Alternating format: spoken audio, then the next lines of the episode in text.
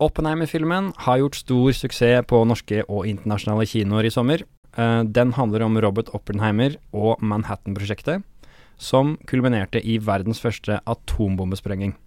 Både først i form av en test, og så bruk av atomvåpen over to byer, Hiroshima og Nagasaki. Med meg i Våpenpodden for å snakke om både filmen, og ikke minst hva som skjedde videre etter at handlingen i filmen slutter, og da hvordan vi ble en atomvåpenverden, så har jeg atomvåpenekspert Kjøll Vegeland, som er postdok ved Sciences Po i Paris og forsker ved Folkerettsinstituttet i Norge. Jeg heter Rasmus Werske og jobber for Norsk Folkehjelp. Ok, så la oss starte med filmen og Manhattan-prosjektet. Mange har kanskje fått med seg at uh, vi har en norsk skuespiller med i, i filmen som riktignok spiller en ukrainsk-amerikansk forsker som het uh, George Kistakowski. Men Norge hadde også en, uh, en slags annen rolle i dette Manhattan-prosjektet, uh, nemlig tungtvannet. Kan du si litt om det, Kjell?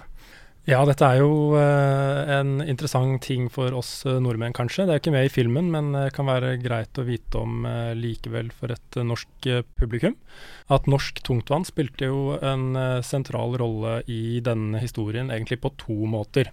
Den første er jo egentlig velkjent med sabotasjeaksjonene mot Vemork. Det var jo samtidig med Manhattan-prosjektet så hadde tyskerne også sitt atomvåpenprosjekt pågående, og til det trengte de norsk tungtvann. Hydro i Rjukan var jo en av helt få som produserte tungtvann, som er en, en komponent eller en ressurs som man gjerne bruker i sånne atomvåpenproduksjonsprosesser. Og da var det tre store sabotasjeaksjoner mot Vemork som de allierte og også øh, norske styrker sto for. To store bombetokt og en sabotasjeaksjon på bakken av norske spesialsoldater som lå først inne på Hardangervidda, og så gikk ned og øh, sprengte i øh, kjelleren på Vemork. Det er jo en, en, viktig del av historien, og jeg tror de fleste er enige i at dette var med på å forsinke det amerikanske Nei, beklager, Eh, tyske atomvåpenprosjektet. Mye tyder på at de ikke ville greid å lage en bombe også uten disse sabotasjeaksjonene, men liten tvil om at de forsinket det tyske atomvåpenprosjektet. Den andre delen av denne tungtvannshistorien og norske rollen i dette prosjektet er faktisk at rett før krigen, da man etter hvert eh, oppdaget eh, fisjon, som man får se i Oppenheimer-filmen, da skjønte alle i forskningsverdenen at dette kunne brukes til å lage svære bomber. Det satte i gang prosjekter både i Tyskland og i Frankrike for å produsere en sånn bombe, eller i hvert fall eh, begynne å forske på det. Og da, rett før invasjonen, i mars 1939, så var fransk etterretning i Norge og sikret seg alt tungtvannet som Hydro hadde. Rett før den tyske invasjonen så var det tre hemmelige franske agenter i Norge og fikk med seg eh, gjennom en avtale med Hydro. Hydro var jo majoritetseid av en fransk bank på den tiden, og de sikret seg eh, tungtvannet og fikk det transportert etter hvert til Paris og inn i det franske atomvåpenprosjektet. Da Frankrike etter hvert ble invadert og okkupert, så ble dette tungtvannet fraktet og tatt unna til London, der det etter hvert også gikk inn i det britiske atomvåpenprosjektet, som het Tube Alloys, og som ble satt i gang gjett når 9.4.1940, dagen da Norge og Danmark ble okkupert. Da sendte den danske vitenskapsmannen Nils Bohr, som vi ser i filmen, et telegram til sine kolleger i, i Storbritannia og advarte om hva som kunne komme til å skje. Det tungtvannet, som da gikk først til Paris, så til London, skal, så vidt jeg vet, litt usikker på om det er 100% bekreftet, men det er, tror jeg, gikk videre inn i Manhattan-prosjektet i USA og var en del av det større prosjektet og ble, og ble brukt der. Mm. Ja, ja, så da har vi ja, norsk uh, innflytelse på dette, dette Manhattan-prosjektet via via, ikke sant. Men jeg har også skjønt at omfanget av dette Manhattan-prosjektet var enormt, og det involverte jo uh, både forskere og uh, industri. Og uh, mer enn 100 000 folk var, uh, var sysselsatt da, med å, å, å, lage dette. Men det hadde også andre nasjoner, andre stater var involvert her. Altså, du nevnte jo Storbritannia, altså, altså Londons rolle her. Men Canada også var involvert. Kan du si litt mer om andre land og, og Manhattan-prosjektet? Nei, det var disse tre landene som var hovedsakelig involvert i prosjektet. Altså I første rekke selvsagt USA.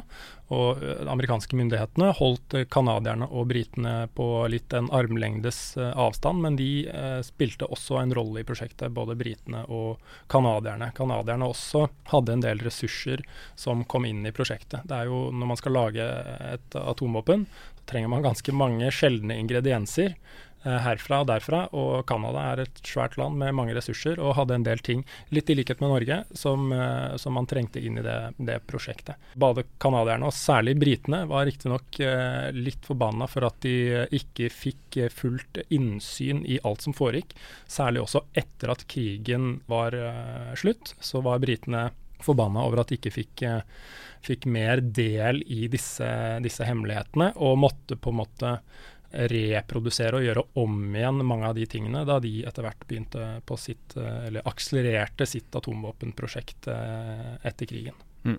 Ja, Vi har jo begge sett uh, denne filmen, og, og personlig syns jeg den var veldig interessant. Altså, Den varer lenge, tre timer, men uh, ikke et kjedelig sekund for min del, i hvert fall. Og Hva, hva syns du om filmen? Altså, Litt om betydningen, men også hvordan den er lagd?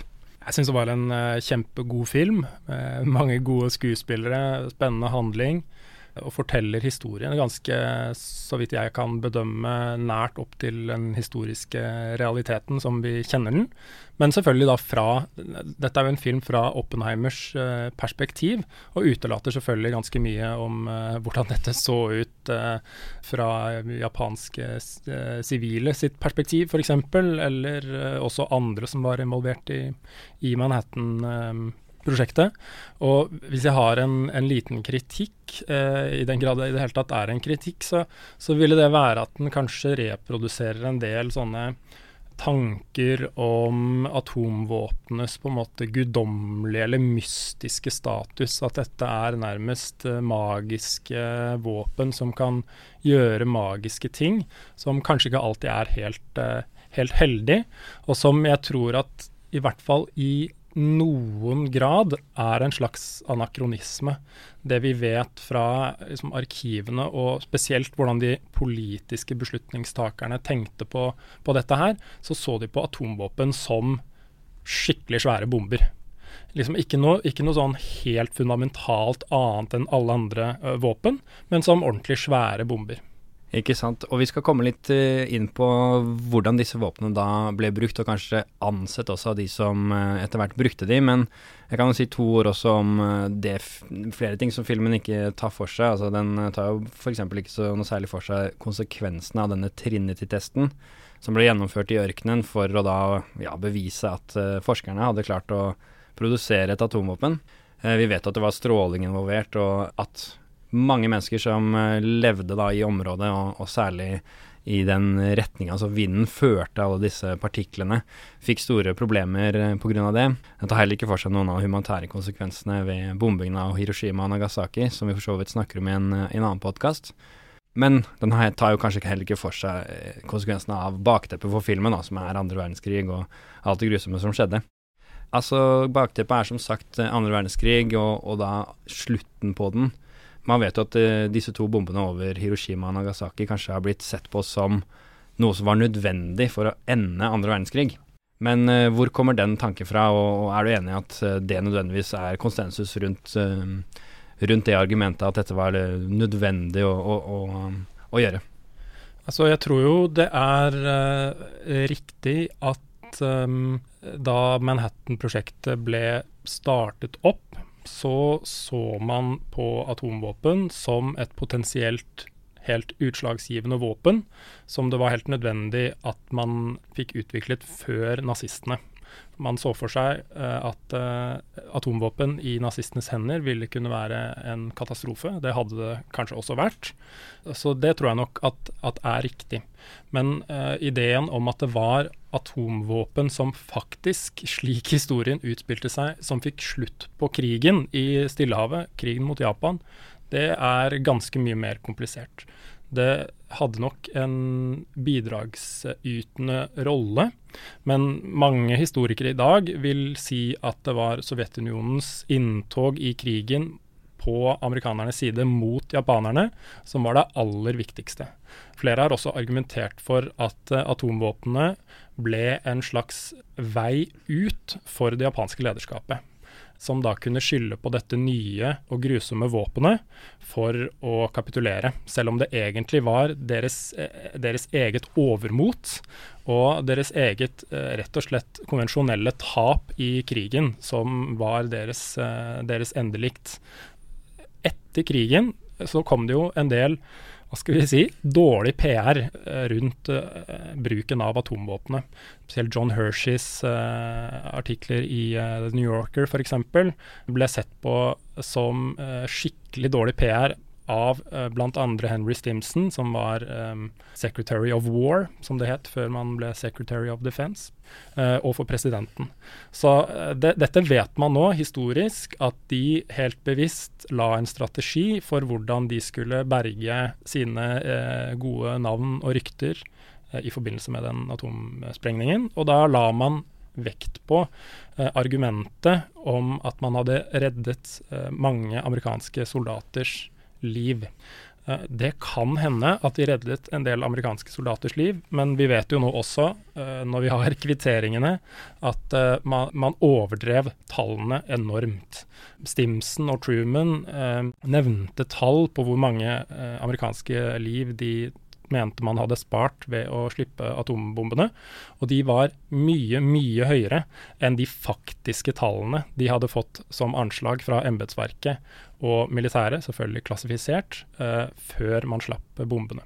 Det også flere av The Joint Chiefs of Staff i USA som mente at man ville kunne uh, ha fått slutt på krigen eh, ganske raskt uten atombombingen det at dette var et stort moralsk dilemma, er nok også, som jeg var inne på litt tidligere, en slags anakronisme, eller noe man la mye mer vekt på etterpå. Så, så sa Stimson og Truman at jo, dette var en stor beslutning som vi overveide, men vi falt ned på at dette ville være det riktige. Dette var eh, Vi måtte spare amerikanske soldaters liv. Eh, når man ser på møtereferatene og hva som faktisk skjedde, så, så tyder egentlig alt på at dette var våpen som ble utviklet for å bli brukt og så ble de brukt da man var ferdig med å utvikle dem. Og ikke noe mer liksom mystisk eller hokus pokus egentlig eh, enn det, da. Ja, Så du mener at de var egentlig ganske innstilt på å få testa dette her, eh, nesten uansett. Altså de var De ville se hvordan dette, dette funka. Ja, det var ikke noe særlig eh, alternativ. Alex Wellerstein, amerikansk historiker, har skrevet mye om dette. Altså det, det, det, var ikke noe stor, særlig alternativ å ikke bruke dem. I hvert fall fra de eh, beslutnings, politiske beslutningstakernes uh, side. Så En del av vitenskapsfolkene som var involvert i prosjektet, så jo litt annerledes på det, hadde moralske kvaler. Vi ser jo i filmen uh, bl.a. Leo Zillard, som gikk ut av prosjektet og var imot å bruke det mot japanske byer. Eh, så det er helt reelt. Men i de øverste politiske sirklene så, så ser det litt annerledes ut. Ja, interessant. Og, og i denne podkasten her så skal vi jo da snakke om både filmen, men også hva som skjedde etter at handlinga i filmen slutter. Og en ting som filmen begynner å snakke om, men kanskje ikke konkluderer noe helt med, da, men som har mye å si for hvordan historien utvikla seg videre, det er jo dette med hydrogenbomba som blant andre han eh, Edward Teller og Oppenheimer diskuterer i filmen. Men det var litt uklart for meg hva som skjer videre, da. Så kan du ta oss liksom videre i denne hydrogenbombetematikken, og, og hva som skjer etter at Oppenheimer-filmen eh, slutter? Ja, det de utvikler i Manhattan-prosjektet, er jo det man på engelsk kaller atomic weapons. Atomvåpen kaller vi jo egentlig alt på norsk, både atomvåpen og termonukleære eller hydrogenvåpen, og det som også i gamle dager liksom, på gerhardsensk heter vannstoffbomber. Det er altså en eh, slags dobbel eh, atombombe, hvor man bruker en eh, atombombe til å sette av en enda større atombombe, for å forklare det veldig enkelt, for å lage en enda større termonukleær eksplosjon. Eh, det var Edward Teller, som er en av de vitenskapsmennene man ser i filmen, eh, veldig gira på å lage. Og det utviklet seg jo en slags konflikt, eh, eller ikke en slags konflikt, det var jo en konflikt mellom Teller og Oppenheimer, både i Manhattan-prosjektet og kanskje særlig også etterpå. Det endte jo med at Teller gikk ut av eh, den forskningsgruppen og det laboratoriet Los Alamos og startet sitt eget nye konkurrerende laboratorium Lawrence Livermore. Der fikk han etter hvert da også funding til å utvikle sin, uh, sin baby, hydrogenbomben. Den ble ferdig i 1952. Og den er jo står i et forhold til atomvåpen, eller atombomben, som atombomben står til konvensjonelle våpen. Det er helt enormt mye større enn de gammeldagse atomvåpnene, i hvert fall kan potensielt eh, være det. Og atombomben er igjen helt usammenlignbart mye større enn konvensjonelle eksplosiver. Så det er jo en interessant personlig historie, da, den kampen mellom Teller og, og Oppenheimer, hvor Oppenheimer var imot utviklingen av um, av uh, disse termonukleære eller hydrogenbombene. Uh, både av ressurshensyn. Han mente at man måtte satse på å lage disse enklere variantene først, og ikke bruke ressurser på andre, mer eksotiske prosjekter. Uh, men også kanskje moralske og politiske hensyn. Da, at Oppenheimer og en del andre i det miljøet Eh, var for å satse på diplomati med Sovjetunionen, og satse på å få internasjonal kontroll av atomenergi og nedrustning. Edward Teller var eh, på ingen måte på den linja. Han var eh, den politiske motsatsen til Oppenheimer på, måten, på mange måter. Vi ser jo også i filmen hvordan Oppenheimer eh, gjennom mange år lefler med eh, den ytre venstresiden i USA politisk. Teller var på den eh, stikk motsatte siden, og på en måte eh, hadde sine politiske meningsfeller eh, på den ytre høyresiden av det republikanske partiet. Mm. Ja, og nå tenker jeg vi kan gå over til å snakke om på en måte spredningshistorie. ikke sant? Fordi at i dagens verden så er det massevis av stater som har atomvåpen, så det virker jo som om Oppenheimer og alle som var enige med han, mislyktes litt i å um, hindre at dette spredde seg. På en annen side så kan vi jo kanskje si at uh, i hvert fall så er det jo begrensa antall stater som har det, så her er det jo åpenbart en spenning mellom at flere og flere fikk det, og, og at det ble et slags rustningskappløp, men også diplomatiske prosesser, som du nevner, som prøver å begrense og, og hindre videre spredning. Da. Men la oss starte med spredningshistorien. Altså hvem fikk atomvåpen eh, etter at USA hadde klart å lage sitt? Jo, det var jo sånn da at um, amerikanske politiske beslutningstakerne de var ganske sikre etter krigen på at uh, dette her hadde vært et så stort og komplisert og vanskelig industriprosjekt, Manhattan-prosjektet, at uh, ingen andre land ville kunne klare å gjøre noe sånt på veldig lang tid. Men de overvurderte nok kanskje litt sine, egen, sine egne staters fortreffelighet. For det, det, var jo ikke tilfellet. Og det var det jo mange i disse vitenskapelige miljøene som også advarte om at uh, Sovjetunionen og også andre land ville kunne utvikle sine egne atomvåpen. Og det gjorde Sovjetunionen. De testet sitt første atomvåpen i 1949, bare fem, nei, fire år uh, etter amerikanerne. Og delvis da takket være spioner på innsiden, andre en herre ved navn Fuchs, som var dypt involvert i Manhattan-prosjektet i Los Alamos. Eh, så det var Sovjetunionen som kom i, i, i, da, i 1949. Så fulgte britene etter hvert i 19, 1952. Eh, eh, da hadde Churchill akkurat kommet tilbake til makten, så vidt jeg husker. Men det var Attlee-regjeringen som, som satte fart i dette rett etter krigen. Så går det omtrent åtte år til før franskmennene blir eh, fjerde nasjon til å teste atomvåpen i eh, ørkenen i Sahara. Og så går det noen få år til før Kina i 1965 blir nummer fem. Da begynte det liksom å se stygt ut, mente mange, ikke minst også da i USA. Og eh, Kina spilte jo på den tiden en sånn nokså sånn ekstrem opposisjonell rolle i det internasjonale eh, samfunnet. Litt som på en måte Nord-Korea er i dag. Og i Vesten så så man på kineserne som irrasjonelle og uh, på en måte uansvarlige. Så det, den kinesiske testen i 1965 ble startskuddet for seriøse forhandlinger om en avtale om ikke-spredning av atomvåpen, som da pågikk mellom 1965 og 1968. Ikke-spredningsavtalen ble ble vedtatt. Men eh, spredningshistorien stopper jo eh, heller ikke der. Du har Israel, som sannsynligvis utviklet sitt første atomvåpen på slutten av 60-tallet, kanskje 67-68, det er litt uklart. Eh, Israel har i hvert fall Det er litt uklart om de kan ha gjort en test, men godt mulig ikke gjort noen test i det hele tatt, men greid å utvikle atomvåpen uten å teste dem. Så kom eh, inderne i 1974 og eksploderte en, eh, det de kalte en peaceful nuclear explosion.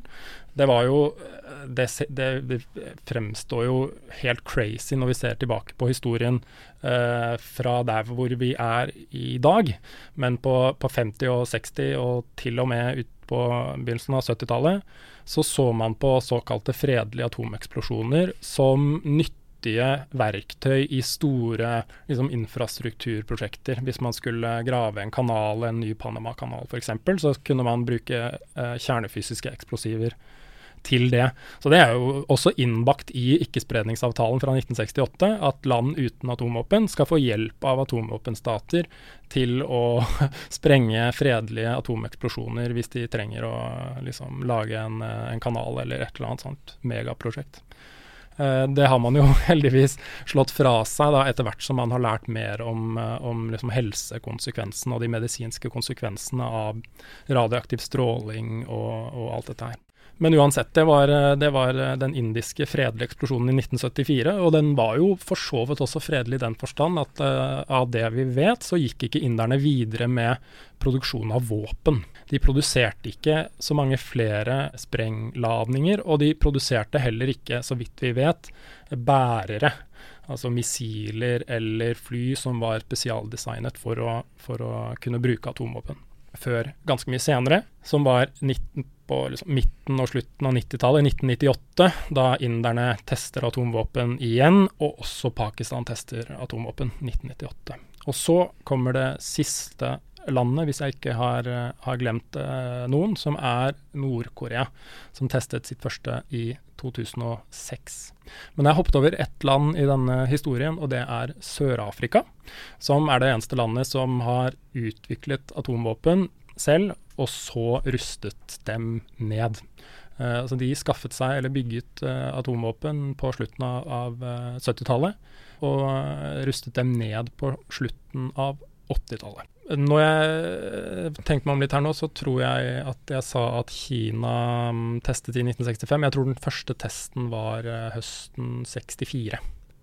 Du var inne på dette med eh, Sovjet som fikk eh, bare noen år etter USA, og det får meg også til å, å gå tilbake til dette med, med, han Fuchs og spionasje, ikke sant. Er det sånn at Sovjet uansett hadde klart å, å utvikle dette, eller var det takket være den spionasjen som også snakkes mye om i Oppenheimer-filmen, at, at de fikk det til? Jeg tror nok at Sovjetunionen hadde fått til å lage atomvåpen eh, ganske greit på egen hånd, men eh, spionasjen frem, fremskyndet nok eh, prosessen en, en, del. Men det viser seg jo at stater, når de bestemmer seg for noe sånt, så får de det i hvert fall ofte til, da. Det er jo ikke alle atomvåpenprosjekter som ender med en bombe, men, men, mange gjør det. Og er man innbitt nok og har man nok politisk vilje, så, så får de fleste stater eh, det i havn. Og spionasje er åpenbart en del av eh, dette bildet, men også helt eh, lovlig, eller i hvert fall innenfor visse grenser og inntil et visst punkt, lovlig handel med forskjellige varer og, og ressurser. Alle stater som har utviklet uh, atomvåpen, har fått hjelp av andre stater på en eller annen måte. Og de fem første, de fem store, de har en eller annen finger inne i alle atomvåpenprosjektene som, uh, som uh, Alle atomarsenalene som har blitt produsert.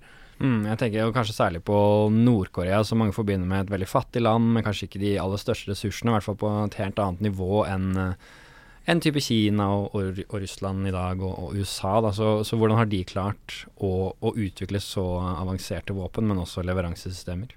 Nei, Det er jo som jeg var litt inne på, da, at uh, hvis man bestemmer seg, så får man, uh, så får man uh, sånne ting til. Men det er klart det handler om prioriteringer. Nord-Korea har tydeligvis nok penger til, til atomvåpen, men knapt nok til mat til sin egen befolkning. Uh, er interessant eksempel også der fra, fra Pakistan, hvor presidenten sa at uh, den pakistanske befolkningen uh, om, om, befolkningen så måtte spise gress, skulle Pakistan ha et atomvåpen.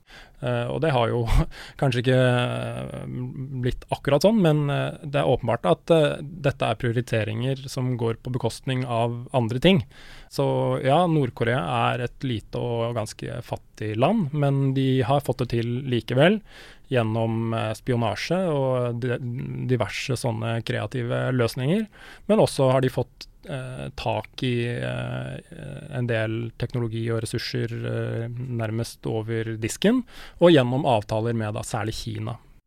Eh, over en periode på, på lengre tid. Eh, Nord-Korea var jo også part til ikkespredningsavtalen inntil 2003, og fikk da tak i mye Eh, atomteknologi presumptivt til sivile eller fredelige formål, men som etter hvert da kanskje har blitt brukt til eh, litt eh, andre ting også. Ok, og vi får håpe at uh, historien, i hvert fall på opprustningsfronten og, og spredningsfronten, uh, slutter her. I hvert fall gjør vår det. Men vi sa jo også at vi skulle se denne uh, spredningshistorien litt i sammenheng med alle nedrustningsinitiativene og, og historien der. Det kommer jo også faktisk fram i filmen at blant andre Oppenheimer ønsket at USA skulle ta initiativer for å hindre spredning og, og, jobbe for nedrustning helt fra start. Så kanskje du kan ta oss litt gjennom denne eh, nedrustningshistorien. Var det Oppenheimer som, eh, som, var først ute der også? Var han nedrustningens far, eller bare atomvåpnenes far? Ja, det kan hende at man kan si det på den måten. Eh, det var nok også andre som var involvert i Manhattan-prosjektet, eller i hvert fall i det vitenskapelige miljøet, andre Leo Zillard, som var, eh, som var enda sterkere stemmer for, for, nedrustning enn Oppenheimer. Og uh, debatten om nedrustning begynte jo før uh, Trinity-testen ble gjort. Så det var jo noe man, man, skjønte at dette var potensielt sett veldig farlige våpen, så man måtte ha en plan for hva man skulle gjøre med etter krigen. Som jeg var litt inne på tidligere, så var det jo fra i hvert fall mange i det vitenskapelige miljøets perspektiv, så var jo dette våpen som ble utviklet for et helt bestemt formål, nemlig å vinne krigen før eh, Nazi-Tyskland eh, skaffet seg atomvåpen. Så det var, det var, for det helt spesifikke formålet, og ikke for noe annet. Og ideen ville da være at eh, når man var ferdig med krigen, måtte man få internasjonal kontroll av atomenergi, et eller annet overstatlig organ. Eh, som kunne, som kunne, kontrollere dette og forhindre eh, spredning eh, og oppbygging av, av atomvåpen. Dette ble det jo også litt fart på diplomatisk. Den aller første resolusjonen noen gang vedtatt av FNs generalforsamling, den oppretter en kommisjon som skal utarbeide forslag for nedrustning av atomvåpen og avskaffing av atomvåpen og andre masseødeleggelsesvåpen. Og det kom jo også da i gang, 1946-47, samtaler om dette. En ganske eh, berømt prosess der hvor eh, amerikanerne og eh, Sovjetunionen har hvert sitt eh, liksom, forslag eller visjon for hvordan man skal gjøre dette her. Amerikanerne har Baruk-planen og eh, Sovjetunionen Gromyko-planen, som egentlig er helt like, bare at eh, de forskjellige liksom, stegene i den prosessen man ser for seg, har uh, ulik sekvens. Så man så for seg da at uh, de tre tingene som måtte skje, var at man måtte ruste ned amerikanernes uh, atomvåpen, som de hadde utviklet under krigen. Man måtte forby utvikling og bruk av atomvåpen, og man måtte opprette eh, et internasjonalt organ som kunne ha inspeksjoner av fredelig bruk av atomenergi. Og Så kan man jo eh, gjette hvilken rekkefølge amerikanerne ville ha dette i. Jo, de ville at alt det andre skulle skje før de rustet ned sine egne våpen, mens Sovjetunionen selvfølgelig ville at uh, amerikanerne skulle ruste ned først, og at de andre tingene skulle skje etterpå. Dette ble man så aldri enige om. Og, og disse samtalene de falt i, i grus. Uh, og Spesielt da mot slutten av 40-tallet, når den kalde krigen virkelig setter fart, så, så, så var det ikke lenger noe, noe særlig håp om, om, nedrustning. Og som vi snakket om gjorde jo Sovjetunionen sin første atomtest da i 1949. Når man ser tilbake i de historiske arkivene, så får man jo også et inntrykk av at uh, partene på begge sider her neppe egentlig var interessert i å komme til noen, noen enighet, uh, og at dette var litt sånn et skinnspill. Uh, og amerikanerne skjønte på forhånd at uh, Sovjetunionen selvsagt ikke kom til å akseptere den oppskriften de foreslo, og omvendt. Så har du jo da ikkespredningsavtalen, som jeg var inne på tidligere, som kommer på 60-tallet. Eh, også en, eh, den begrensede eh, prøvestandsavtalen fra 1963, noen år før eh, ikkespredningsavtalen. Begge de eh, har språk i seg om eh, nedrustning. Det er riktignok ikke spesielt presist, og det er ingen tidsfrister eller noen sånne ting.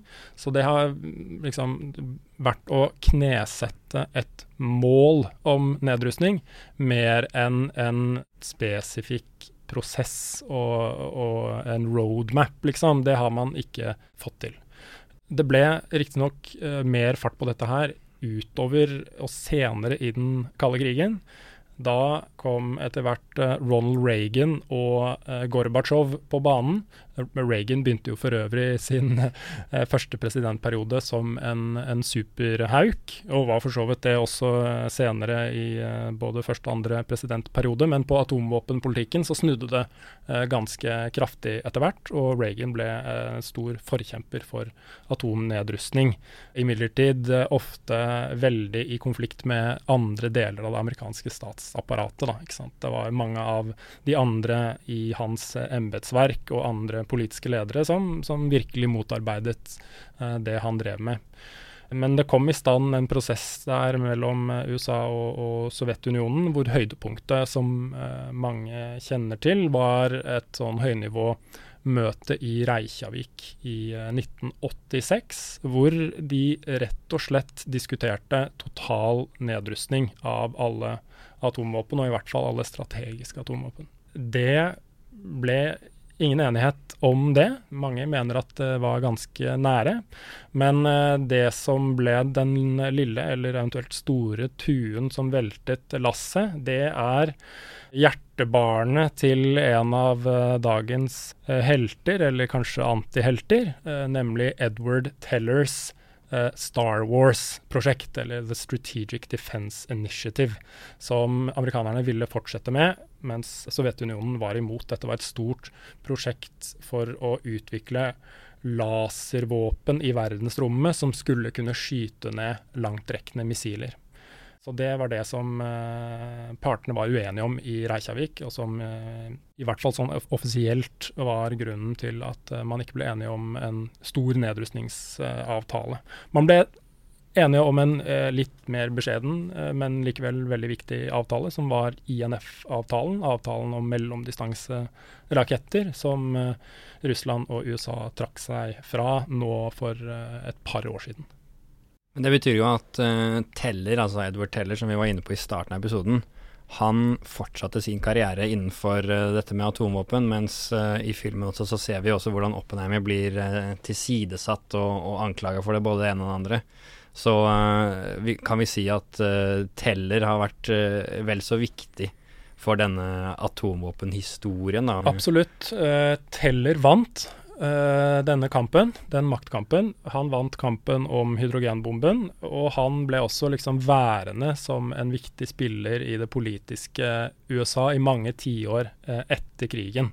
Først som direktør for uh, Lawrence Livermore-laboratoriet, og så senere som en slags politisk aktivist eller aktør på Hoover-instituttet hvor han eh, da var en stor forkjemper etter hvert for dette Strategic Defense Initiative, og hadde, eh, var involvert i diverse tenketanker og, som fremmet dette. Mm. Ja, og så uh, vet jeg ikke om vi har glemt noe før vi kommer til denne uh, forbudsavtalen, eller TPNW, da, altså forbudet mot atomvåpen. Og kan du si litt om det? Altså Det var, kjennes ut som en lang periode hvor det ikke skjedde noe på, på nedrustningsfronten. Hvorfor gjorde de ikke det, og, og, hva er på en måte behovet for dette forbudet, da, som, som da endelig kom i, kom i, stand, da, selv om man har snakka om forbud helt fra starten? Hvorfor tok det så lang tid å, å komme til en forbudsavtale? Nei, det har jo skjedd ting hele tiden eh, imellom alle disse høydepunktsårene som vi, som vi, er inne på.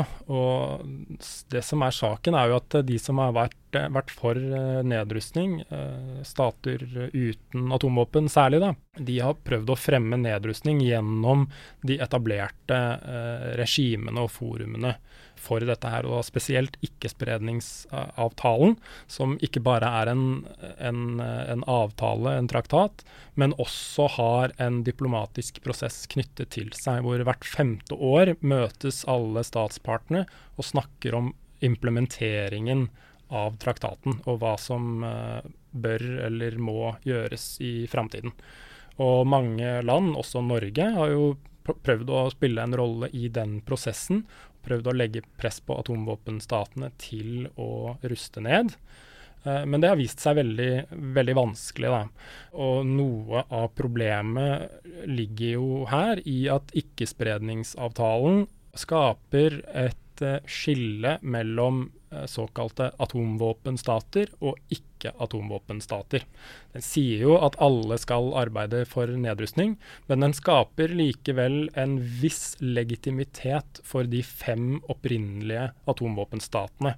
Så vi ser jo eh, hvordan disse statene bruker ikkespredningsavtalen til å legitimere sine egne arsenaler og sier se her, denne traktaten sier at vi er atomvåpenstater og at vi har rett til å ha disse våpnene, selv om vi i hvert fall eh, mens vi prøver å få til nedrustning. da. Det er jo flere av disse statene som sier, sier rett ut. og F.eks. Tony Blair skriver i sine memoarer at uh, eh, NPT var en uh, Eller ikkespredningsavtalen uh, gir Storbritannia en rett til å ha atomvåpen, og at nedrustning ville være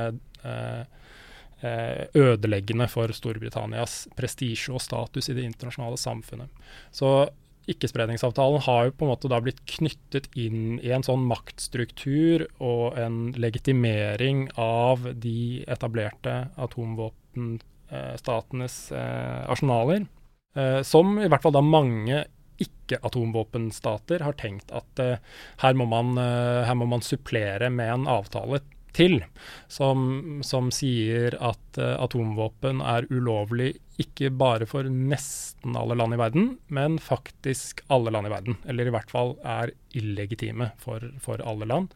For å prøve da over tid å skape en norm mot uh, atomvåpen og et press for uh, nedrustning. Det er jo sånn som jeg forstår eh, de som arbeider med dette, et, eh, at man arbeider med en lang tidshorisont her.